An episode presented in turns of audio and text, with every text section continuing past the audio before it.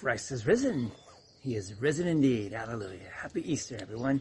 It is indeed the resurrection of our Lord. It is Easter Sunday, um, April 17th. And uh, we are wrapping up our, our Lenten Easter devotion on the witnesses of Christ and uh, the Gospel of John. And today we end with uh, the chapter 20 of John and, and specifically verse 17. In verse 17, let me read it to you. It says, Go to my brothers and say to them, I am ascending to my Father and your Father, to my God, your God. So it, it's the most utterly vile and cruel death ever invented. Crucifixion, cruci, crucifixion, sorry. And, and Jesus felt the, the Roman whip um, on his back. And you heard about that on Friday if you were, were in church or you read any of the Good Friday readings. Um, and the Son, um, while he was carried, he carried his crossbeams and the thorns on his head and the nails in his hands and his feet, all just affected Jesus horribly. For six hours, Jesus hung on a Roman instrument of shame and death. Everyone mocked him. The soldiers, the scribes, the chief priests, elders, Pharisees, Sadducees.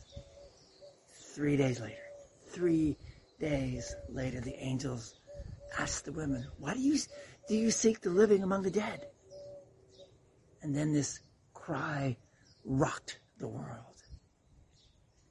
He's not here, but he has risen.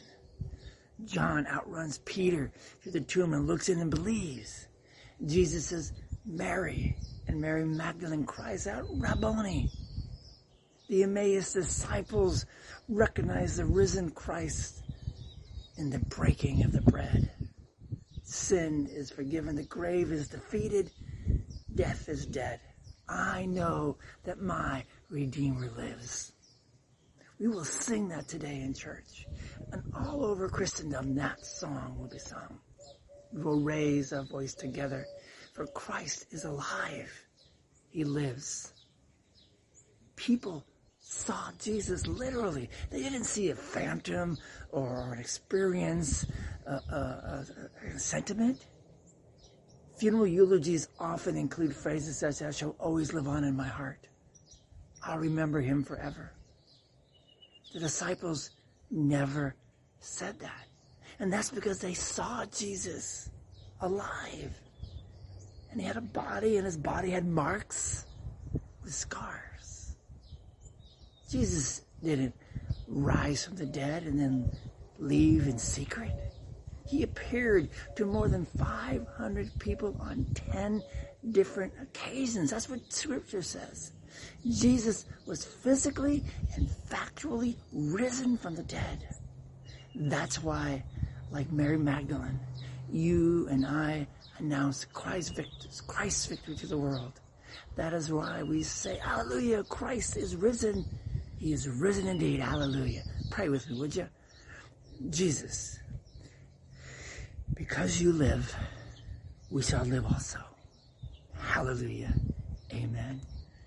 Go in peace. Serve the Lord. Shout to the world that Christ is alive, that he has risen from the dead and he is now in heaven forever. Go to church today if you can, or, or watch online. Watch our worship if, if you don't have your own church home at Redding TLC, or join us at Trinity and 2440 Hilltop Drive this morning. Come and join the choir as we all say Christ is risen indeed. Go in peace. Serve the Lord. We'll see you all later. Amen and hallelujah.